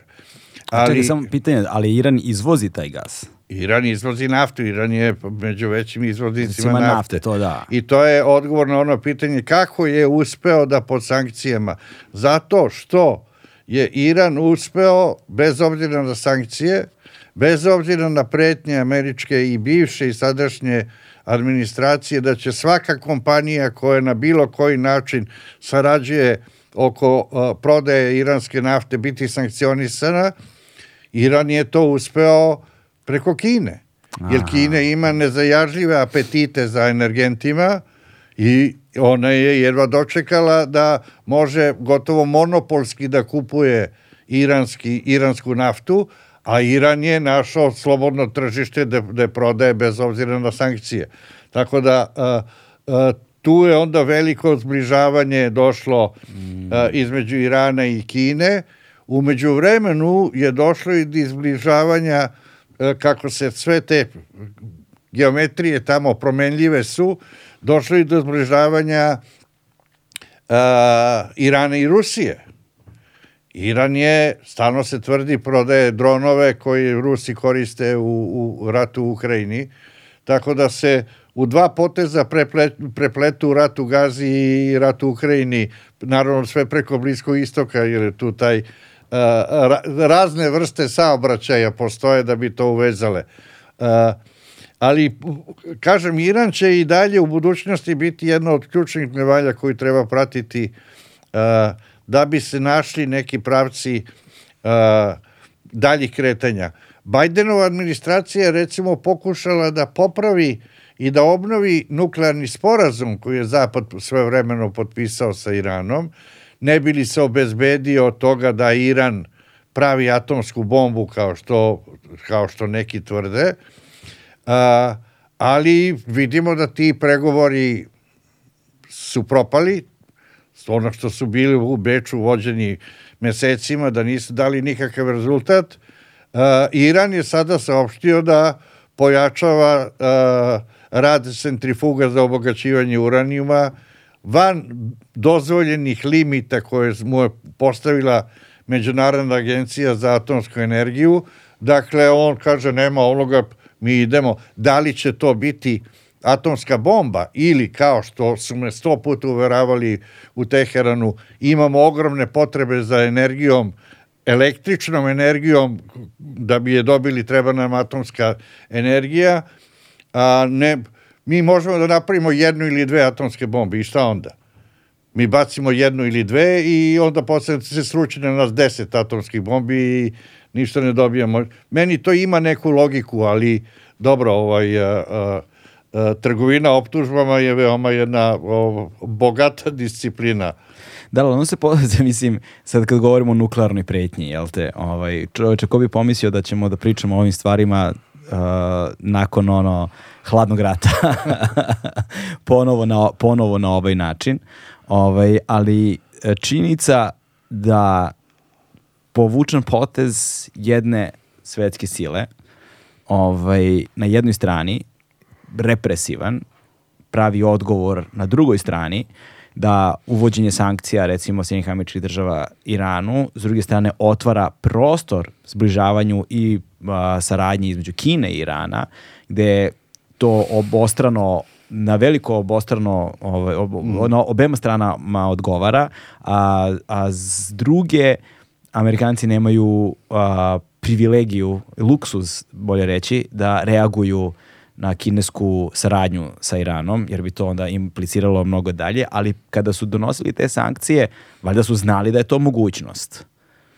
Ovaj, ali su i bez obzira na to doneli pa vi pokušate ono što smatrate da je u vašoj moći. Da. Da li će uspeti, u kojoj meri će uspeti, uh, ne znate. Uh, da recimo nisu uvedene sankcije Iranu, uh, onda bi Iran svoju naftu mogao da prodaje po višim cenama nego što mu Kina kupuje. Aha, da. To, Prema tome, da. i ki, tu je dobiti, krajnji dobitnik je Kina. Mm. Jer Kina dolazi po jeftinijoj ceni uh, do nafte u poređenju sa cenom na svetskom tržištu. Zato, Zato što... što zna da je uh, da je Iran u, u, u blatu. Da, ovaj, da, da. Prema tome, tu najveću... Pa Kinezi isto tako kapitališu i sa ratom u Rusiji. Mm -hmm. Rusija isto ne prodaje gas, je tako, više zapadu. Minimalno nešto, po, u odnosu na ono što je prodavala. Pa gde ga prodaje? Pa prodaje ga Kini. Mm. A Kinezi su rekli, Mi da vam platimo, gospodi iz Gazproma, mi da vam platimo onu cenu koju vam platila Nemačka, ne dolazi u obzir. Trećinu su oborili cenu. Rusi nemaju izbora, opet su Kinezi na, na dobitku. Tako da kad se pogleda, ja kad bi podvlačio crtu, eto, između ova dva rata, trenutno kojima smo svedoci, najveći dobit, do, dobitnik je Kina. Da, i u jednom i u drugom sukobu. Da, to je neverovatno. I onda kada se uzme u obzir taj, o čemu je profesor Vuječić govorio, tehnološkom, ovaj, odnosno trgovinskom sukobu, pa onda tehnološkom sukobu sa Kinom, odnosno između Amerike mm. i mhm. Kine, a onda kada se o, u ovim ostalim odnosima vidi zapravo da se, da se, da se Kina približava Rusiji i Iranu, Ovaj, Rusija ali, Kini, ja bi taj Rusija, Rusija Kini, da, da, Rusija Kini, da, da, izvinjujem se ovaj, na formulaciji. a, i da se, kako je profesor to takođe nazvao, taj, taj tripartitet ovaj, trgovinskih odnosa svetski, gde su bili Kina, Amerika i Rusija, da se zapravo sada polarizuje između s jedne strane Amerike i s druge strane uh, Rusije i Kine, ovaj, govori... Uh, pa dobro, ne, ali ne treba se zavoriti i Evropska unija. Evropska, Evropska unija, unija kao blok bi prema Kini uh, je vrlo značajan. Da, da. Kakav, kakva je dinamika tog odnosa sada?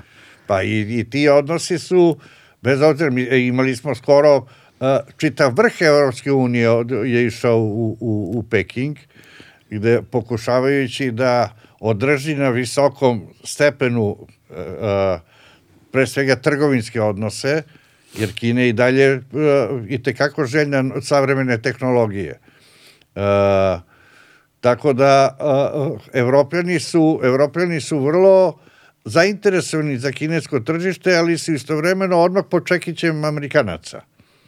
Jer Amerikanci ih prit- pritiskaju da to ne bude. Kao što u krajnjoj liniji, što uh, je gotovo, mislim, svakome ko se malo bavi spoljnom politikom, jasno da su Nemci naterani da odustanu od Severnog toka 2 pod, uh, pod američkim pritiscima i da je onu diverziju pa potpisao bih da je tu Amerikanci imaju prste, ne mogu da tvrdim, naravno nisam bio prisutan pod vodom, Da. ali mislim da je to da su to e, sve te geostrateške igre da nekome ne dozvolite da a, Evropska unija istovremeno ima velike koristi i Kina.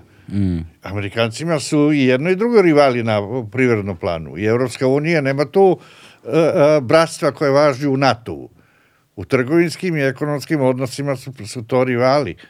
I ovaj, e, a onda, onda u ratnim vremenima je Amerika u velikoj prednosti što može oružanu silu da koristi kao ključni argument i onda e, da potiskuje sve ove ekonomske ili e, I, I da je distribuira po svetu. i da je zapravo. distribuira po svetu. Da, što je, da, iz tim pre zapravo se vraćamo opet na ovu temu predsjedničkih izbora, da su strahovito važni. E sada, nekako uh, otvara se pitanje, uh, opet predviđanja su nezahvalna, posebno ovako, ali iz, iz celog, celokupnog ovog razgovora i, razume, i dobijanja neke slike nekog koordinatnog sistema, kako izgleda zapravo ta dinamika svetskih odnosa u 2024. godini sa ovim sukobima koji se dešavaju i sa stradanjima koja vi posmatramo, ovaj, a, nekako baš je važna godina. Mislim, svaka godina je važna, ali ova čini mi se dobija na značaju eksponencijalno i narednih nekoliko, jer a,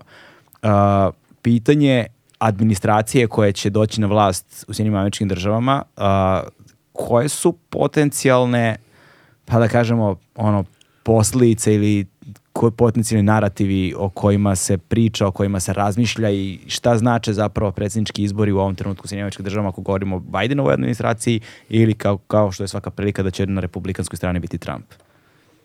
U slučaju da jedan Da. ili drugi do pobede. Da, pa gotovo je sigurno, evo, posle ova uh, uh, dva primeriza ovih tih prvih izbora po, po saveznim državama da se određuju delegati za na, nacionalnu konvenciju, u ovom slučaju republikanaca. Vidimo da je i u Iowa i u New Hampshireu da je Trump ubedljivo pobedio. Jedan njegov potencijalni rival uh, se već ovaj uh, guverner Floride DeSantis se, se povukao, ostao još Nikki Haley, bivša ambasadorka u Ujedinjenim nacijama koja se koncentriše na izbore koji treba da, da, da budu u, u njenoj rodnoj Južnoj Karolini i da se nada da bi nešto mogla da uradi, jer je ona i bila i guvernerka Južne Karoline, ali brojke su surove i kažu da Trump u odnosu na nju i u Južnoj Karolini ima jedno barem 30 pojena prednosti. Možemo, čini mi se da smatramo da je stvar završena, da je Trump uh, dobija nominaciju republikanske stranke, kao što na drugoj strani Biden ima obezbeđenu republik, uh, nominaciju demokrata, i u novembru ćemo onda prisutiti reprizi tog istorijskog uh, duela. Po onome što se za sada, koliko se opipava mišljenje javnog mnjenja, uh, Trump ima određenu prednost u odnosu na Bajdena. E sada, a, ako da krenemo onda od toga da je Trump, Trump verovatniji pobednik, pa da vidimo šta bi to značilo. A, to bi značilo posticaj svim belosvetskim desničarima i njegovim omiljenim diktatorima, kao što su kao što on nazivao o, od omiljenog autokrate Viktora Orbana koga je obožavao, Trump obožava do egipatskog predsjednika Sisija koga je isto zvao moj omiljeni diktator. E, dakle, posticaj svim desnim e, izolacionističkim snagama e, e, od, od Trumpovog obećanja koje lepo zvuči da će on za 24 sata E, rešiti rat u Ukrajini, to ja ne verujem to ni e, čak i da se preziva Hudini, pa bi, pa bi teško u to poverovao, ali u svakom slučaju, posmatrajući kroz moju neku liberalnu optiku, mislim da, da je to, da bi to bila jako loša vest globalno, podela, pobeda Trumpa. Ja znam da bi recimo obradovala vlast u, u Beogradu, koja to ni ne krije da da navija za Trumpa i taj za Trumpa je navijala i prošli put. Uh, ali uh, Pardon, mislim, zašto? Pa zato što, zato što ne, postoji jedan umišlje da će Trump da reši Kosovo, uh, otprilike samo što Trump nije ukinuo, neza, odustao od nezavisnosti Kosova, što ja smatram apsolutno političkom naivnošću, uh, jer to se, to se neće dogoditi, uh, niti će neki bitnih promena u američkoj politici prema Balkanu biti, ali ok, svako ima pravo na svoje snove. Da, a, dalje, nastavimo dalje. Dakle, nas, dakle, mislim da je, da je to, da je Trump a, a, loša vest, da bi bio loša vest. Nažalost, ni Biden ne bi bio nešto bolja vest. Jer on je, vidimo koliko je, njegove godine ga ograničavaju na razne načine, od, od toga što posreće kada se penje stepenicama u, u avion ili, ili, ili elemente demencije koje pokazuje kada brka Baltik i Balkan ili tako dalje.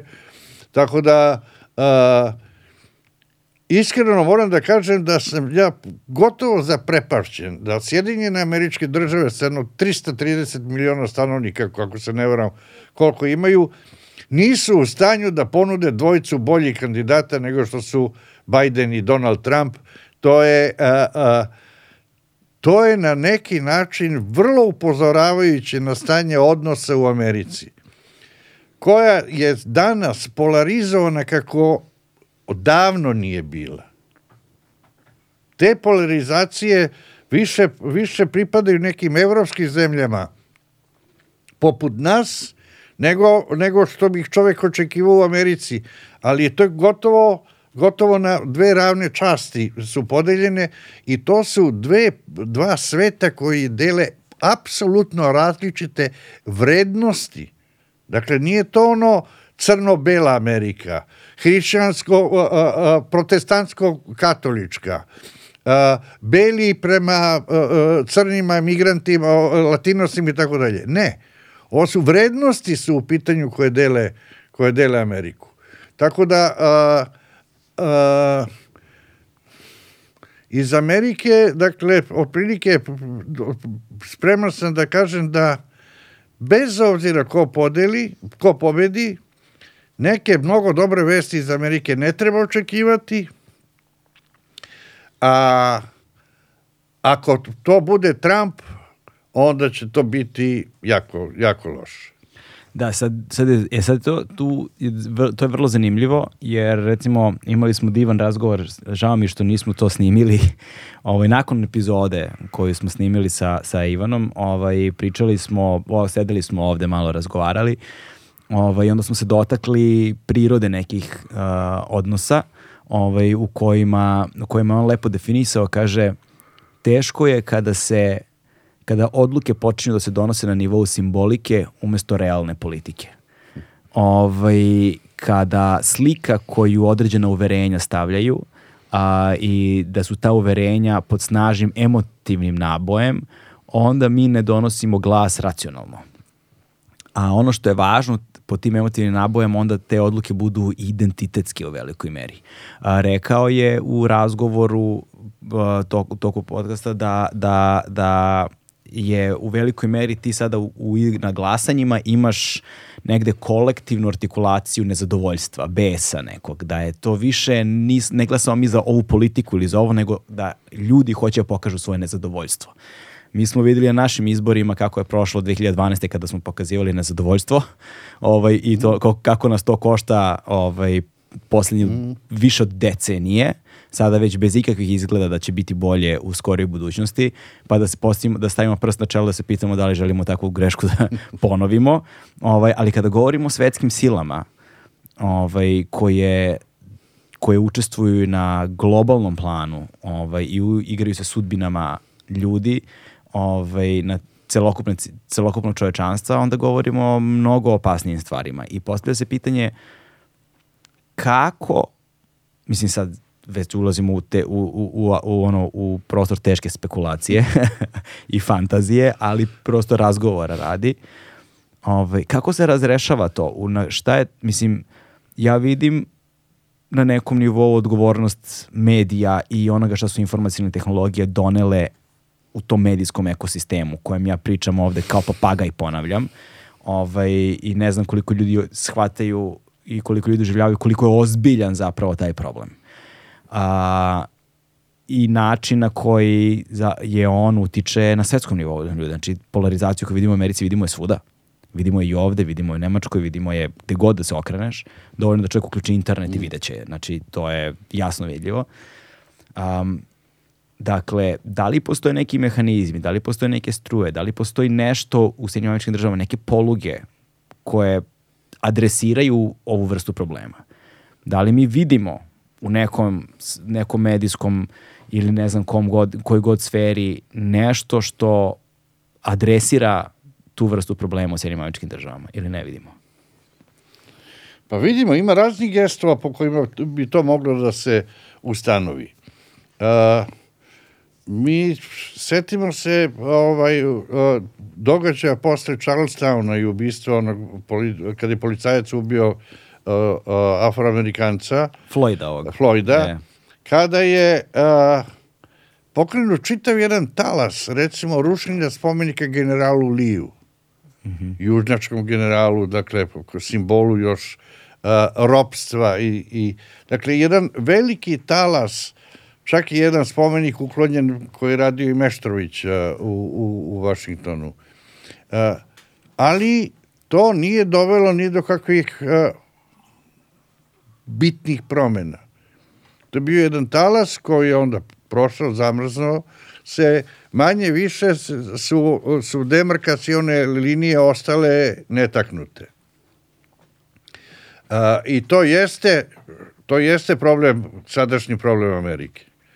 Dakle, uh, ako vi odete na, na onaj srednji zapad, koji je oličenje konzervativizma, uh, ali duboko protestantski, na onog najkonzervativnijeg uh, dela, uh, gde i dan danas zovu sveštenike da isteruju veštice, onda je to, onda je to Amerika koju mi malo poznajemo i, i, i uglavnom mnogo redki znaju da takva Amerika postoji, a i mm. tekako postoji. To je većinska masa Trumpovih, recimo, birača. Uh, s druge strane imate antipod tome i to, to su dva zakovana, zakovana biračka tela. Pitanje je samo, a to može da bude, ne znam, ne, neka država od onih swing država yes. da odluči koje, koje šaraju, koje nemaju pravilo uvek da glasaju za demokrate ili republikance. Ali to jeste ne, neizvesnost. Ali meni se dopalo ovo što si rekao negde na početku oko tih simbola i sve. Uh, mene to podsjeća, često mi je to padalo na pamet da mnoge države recimo imaju i nacije imaju mitove i legende. Od skandinavskih mitova i legendi do indijanskih u Americi. Ali a, malo je nacije koje od mitova prave politiku. Mm. Što je recimo, ja verujem, naš slučaj. Da. Mi od kosovskog mita pravimo politiku, aktuelnu, pet, pet vekova kasnije. E, tako da a, zapadanje u tu grešku, unošenje te količine emocija u politiku, bilo da su to emocije istorije ili su neke savremene nove emocije, je po pravilu uvek pogubno po političke odluke, to se potpuno slažem. E, mi, mi vrlo često govorimo o tome i ponavljamo da svetska politika ne postoji ljubav, postoje samo interesi i sve zemlje se uh, vode svojim interesima. Ali to, je, to mi više zvuči na neko teoretsko saznanje, jer kad dođe do prakse, mi iskažemo toliku količinu uh, emocije da je to po glavi stanovnika da je to onda do, dovodi do pogrešnih političkih odluka ili procena i tu onda nema, uh, nema spasa. Da, dovoljno je pogledati samo komentare na internetu i sve je jasno. apsolutno, apsolutno.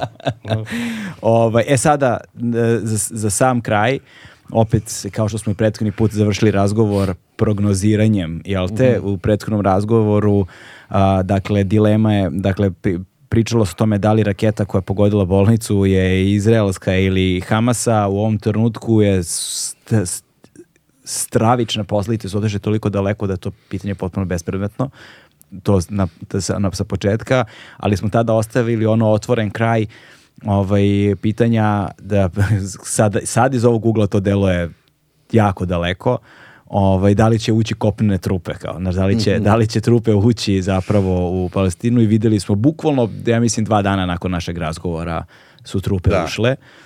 Ovaj, I sada se postavlja pitanje devastacija, uh, rušenje, stradanja u Gazi su toliko velika, barem na osnovu onoga što vidimo, jer ne čini mi se da mi sada imamo, da, to smo čini mi se negde prošli put pominjali, sa ukrajinskim ratom, sa, sa ratom u Ukrajini, prvi put imamo spoj sukoba i visoke rezolucije mobilnih telefona.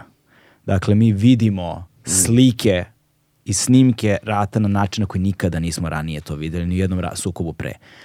Gaza je nastavak tog fenomena. Problem sa tim uh, snimcima i fotografijama visoke rezolucije kao i društvenim mrežama i mogućnošću da svako zapravo periše ono informisanjem pod znacima navoda jeste što se gubi u potpunosti a, poverenje i destabilizuje se a, verodostojnost informacija koje mi vidimo. Mi vidimo snimak, ali mi više ne možemo da, za, raz, da budemo sigurni u kontekst. A sa tehnologi, razvojem tehnologije više skoro uskoro nećemo, uskoro nećemo moći da budemo sigurni ni u snimak. Bilo je nekih uh, lažnih snimaka požara, nekih to se sjećam da sam video, nekih automobila koji gore i tako dalje, gde se zapravo su, gde su ljudi, ljudi ovaj, razotkrili da je, da. U pitanju, da je u pitanju kompjuterski generisana slika. Ovaj, činjenica da je samo to, koliko je to veliko, koliko je to malo, je manje bitno. Činjenica da je to zrno sumnje ubačeno je ono što je veliki problem i da se to poverenje ne vraća tako lako.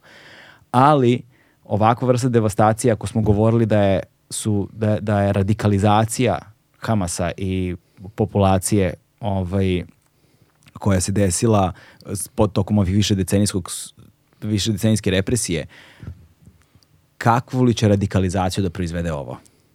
Ovaj, I da sva ova stradala deca i stradale porodice i deca tih stradalih porodica, kakve će njihove sudbine u budućnosti da budu? Ovaj, kakve će sudbine tih ljudi na to, tamo da bude sada i dalje? Ovaj, nekako mi se čini da nisu svetle prognoze, ni na koji način, ali me zanima ovaj, vaše, tvoje mišljenje a, i kao nekoga ko ima toliko iskustva i znanja i razumevanja tog regiona, kako ova slika izgleda sada i šta nam ona govori? Pa nema nikakve sumnje da uh, oni koji ovo prežive, da će to rasti u samo sve više gneva, mržnje, omraza, osvete. Uh, dakle, da li će ta zaslužena želja za osvetom biti prebačena na okidače ili će uspeti da nekim diplomatskim pregovornim putevima se ovo reši, najviše zavisi od Izraela, jer mi kad pogledamo palestinci nisu u nekoj mogućnosti njihove slike govore sve, ali oni sami nisu u mogućnosti da urade ništa, pa u krajnjoj liniji sem sem a, a, marketinških efekata ni demonstracije po svetu koje su propalestinske. One samo daju signal jedan kako je raspoloženje sveta, ali ne, ne, ne utiču mnogo na odluke.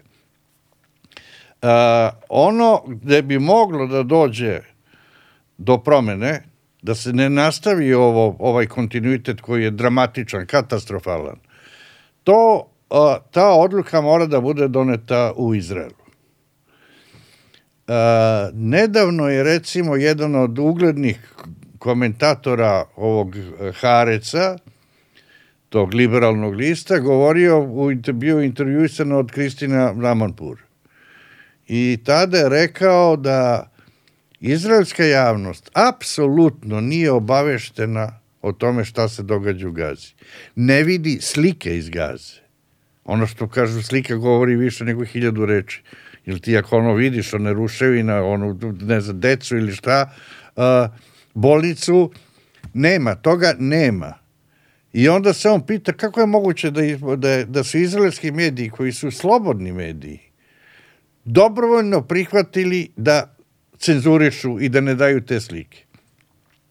Situacija se menja zahvaljujući između ostalog i tome što nisu obavešteni šta njihova vojska radi pod komandom Netanjahua, šta radi u pojasu Gaze, u prvim nedeljama je a, a, Izrael bio potpuno homogenizovan u želji, u, u, jednoj, u stanju konfuzije, ali i želji za osvetom, opravdavanjem osvete Hamasu.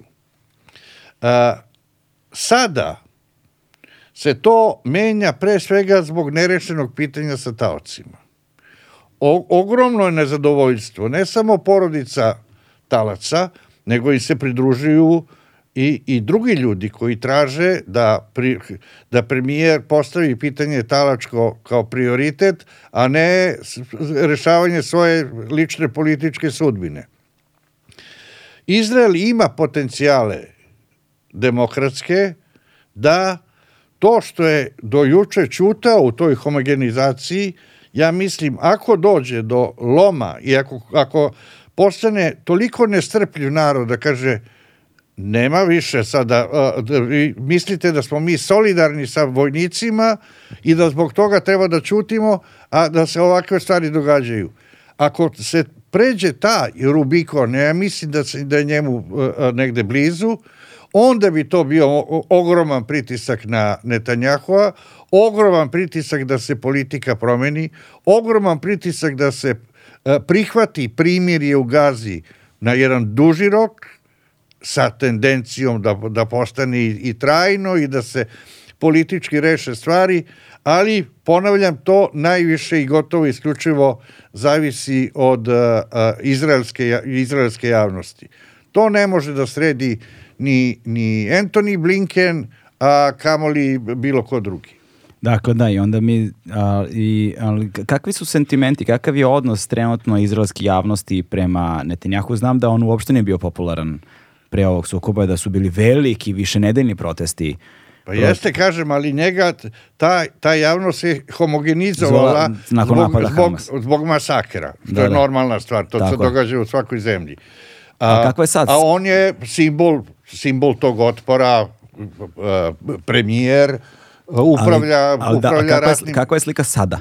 Pa, e, e, apsolutno se ta slika ruši. Mm -hmm, okay. Dakle, e, tek svaki peti Izraelac danas veruje da je Netanjahu u stanju da oslobodi taoce i da zaustavi rat. Mm. Dakle, o, o, on je apsolutno srozao poverenje u sebe, u političku elitu, u značajnoj meri i u vojni establishment i to su sve, to su sve posljedice na osnovu kojih može da se kaže da posle, kada se jednom završi rat u Gazi, niko u tom regionu neće biti više isti kao što je bio pre 7. oktobra. Da, to je apsolutna istina. Dakle, pored javnosti Izrela, pratimo i izbore u Sjedinjim američkim državama kao dva čini mi se ključna faktora za razrešavanje situacije dole i nadam se pritiska šire javnosti. Tako je. Boško, hvala ti još jednom. Ovaj, Hvala tebi. Zadovoljstvo je svaki put ovaj, i vidimo se vidimo se uskoro Biće ponovo. prilike, Biće biće. prilike kako stvari stoje, biće prilike. Hvala puno svima vama koji su nas pratili. E, da zapratite nas na našoj stranici ako to još niste. I to je to, stigli smo do kraja. Hvala. Ćao.